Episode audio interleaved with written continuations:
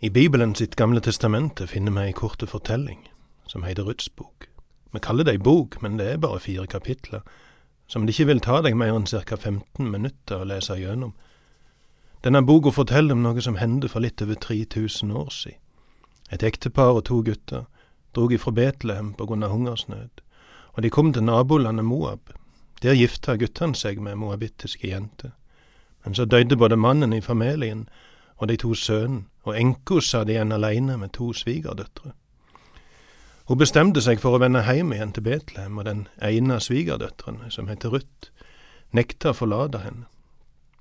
Hun blei derfor med svigermor si til Betlehem, der de begge levde i fattigdom, uten noen som kunne forsørge dem. Ruth strevde for å ta seg av svigermora, og så får vi sjå at storbonden Boas har omsorg for de to kvinnene, og boka ender med at Boas gifter seg med den unge enka Ruth, og de får en sønn som blir bestefar til kong David. På denne måten blir begge de to enken løfta ut av fattigdom og fornedring. Ruths bok kan kanskje virke unnselig og uviktig, men når vi ser nærmere etter, oppdager vi at denne vesle boka er noe utrolig stort og flott å lære oss. Særlig ved at hun gir oss et glimt inn i hverdagen, og viser oss at trua sine sannheter er prøvd og funnet holdbare. Jeg er ikke blitt veldig glad i denne fortellinga, og jeg håper jeg kan få være med å peke på noe av det fine og viktige som denne boka sier oss. Vi skal lese starten av Ruths bok, men enn så lenge skal vi nøye oss med de første fem versene i kapittel én, og så skal vi prøve å danne oss et bilde av den verdenen som boka tar oss inn i. I de dagene da dommerne styrte, vart det en gang hungersnød i landet. Da for ein mann fra Betlehem i Juda i veg med kona si og de to sønnene sine for å slå seg ned i slettelandet Moab. Mannen hette Elimelek, kona Noomi og de to sønnene Malon og Kiljon. De var av Efrat-slekta, fra Betlehem i Juda. Nå kom de til Moab og vart værende der. Så døde Elimelek, mannen til Noomi, og hun satt att med de to sønnene sine. De tok seg moabittiske koner, den ene hette Orpa og den andre Ruth. De vart buende der i om lag ti år. Så døde òg de to sønnene Malon og Kiljon, og Noomi satt alene, utan sønner og utan mann. Bibelen sier ikke noe om at det var krig eller uår som var grunnen til hungersnød i Betlehem. Vi får høre at dette hendte i den perioden som blir kalt dommertida, og når vi leser dommerboka, som forteller om denne tida, ser vi at det var ei urolig tid med okkupasjon, undertrykking, nød og frigjøringskamper. Men vi leser òg flere ganger om at jødene søkte tilflukt i naboland når uår ramma landet. Ei sånn flytting var kanskje ikke uvanlig, men det var likevel risikabelt. For når noen av Guds folk flytter og bosetter seg iblant folk som dyrker andre guder, utsetter de seg for påvirkning, både når det gjaldt gudsdyrking, verdisett, holdninger og skikker.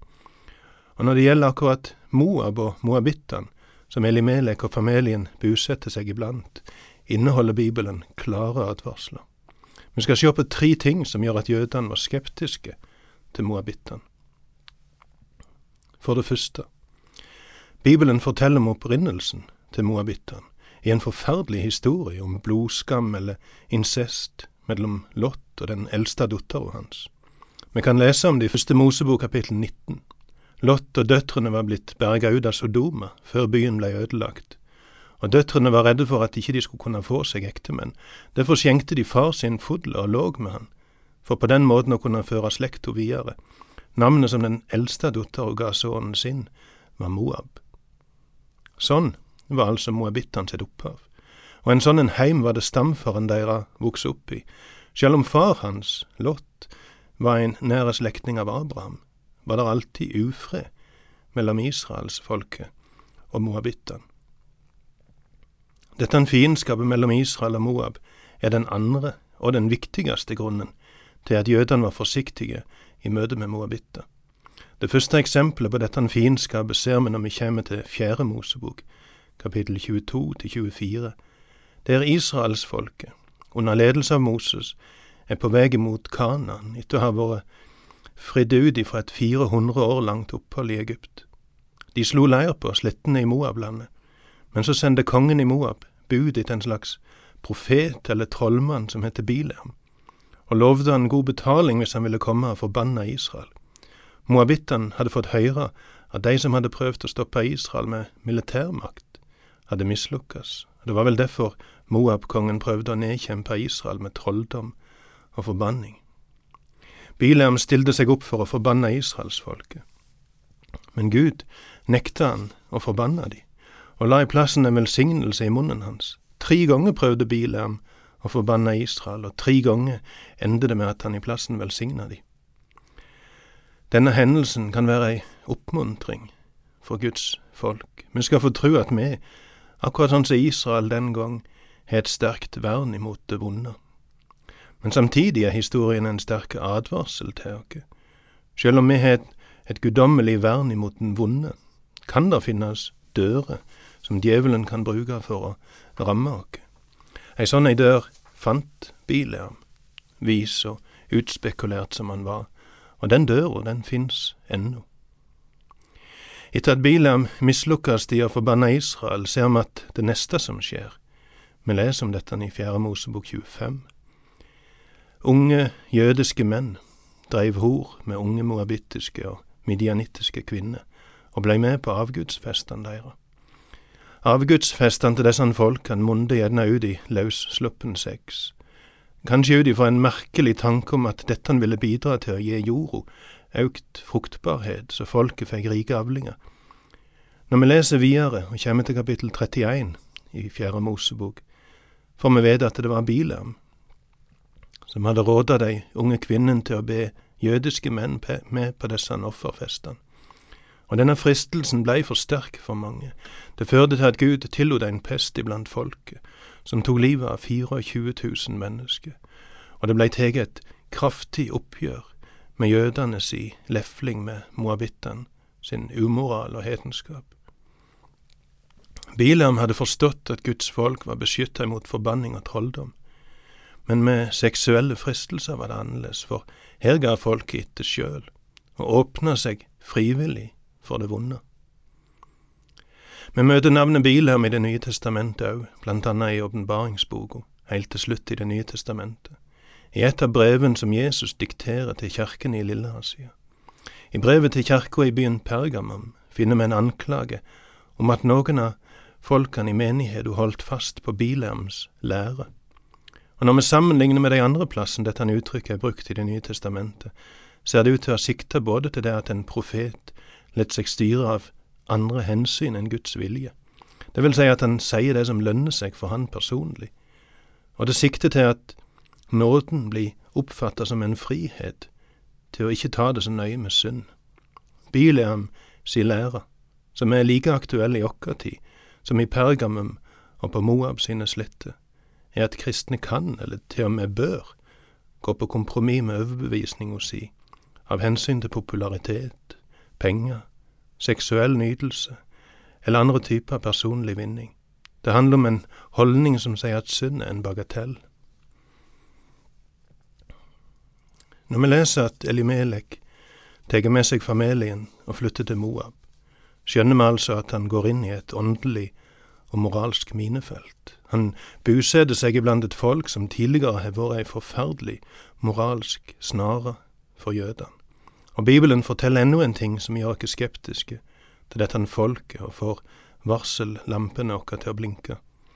I andre kongebok, kapittel tre, leser vi at under et slag imot Israel følte Moab-kongen Mesja seg trua og så tok han den eldste sønnen sin og ofra han til Moab sin gud, Kamosh, for å få Kamosh sin beskyttelse og hjelp i krigen.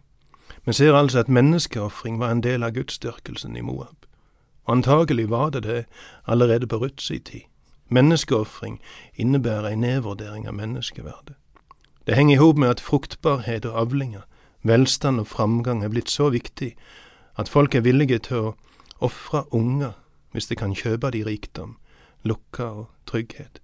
Og Derfor indikerer dette at samfunnet setter unger og mennesker generelt lågt, Det er et kaldt samfunn, et samfunn av frykt, siden menneskeverdet ikke er hellig, og folket dyrker en, en grusom guddom. Herr Ruth stifta kjennskap til dette? Det veit vi ikke. Sjøl om hun gjerne ikke har kjent barneofringa og den seksuelle umoralen på kroppen direkte, så har hun vokst opp i dette miljøet, sett holdningene som preger folk og samfunn, og sett kontrasten til det som Naomi og familien hennes representerte. Når vi leser i starten av Ruths bok at Elimelek tar med seg familien og drar til Moab, utsetter han seg og familien for en risikabel påvirkning. Og når vi seinere leser at Ruth blir med svigermor si til Betlehem, så skjønner vi at hun kan bli møtt med mye skepsis, fordommer og uvilje. Vi forstår at hun hadde god grunn til å tvile på om hun kunne finne seg en ny jødiske mann. Hun var jo moabitt. Og skremmende erfaring med moabitter hadde gitt Israel en djup skepsis og redsel for den dårlige påvirkningen som kvinner fra dette folket kunne bringe med seg. Samtidig, når vi veit dette, blir det valget som Ruth tok om å følge med svigermor si til Betlehem, desto mer imponerende.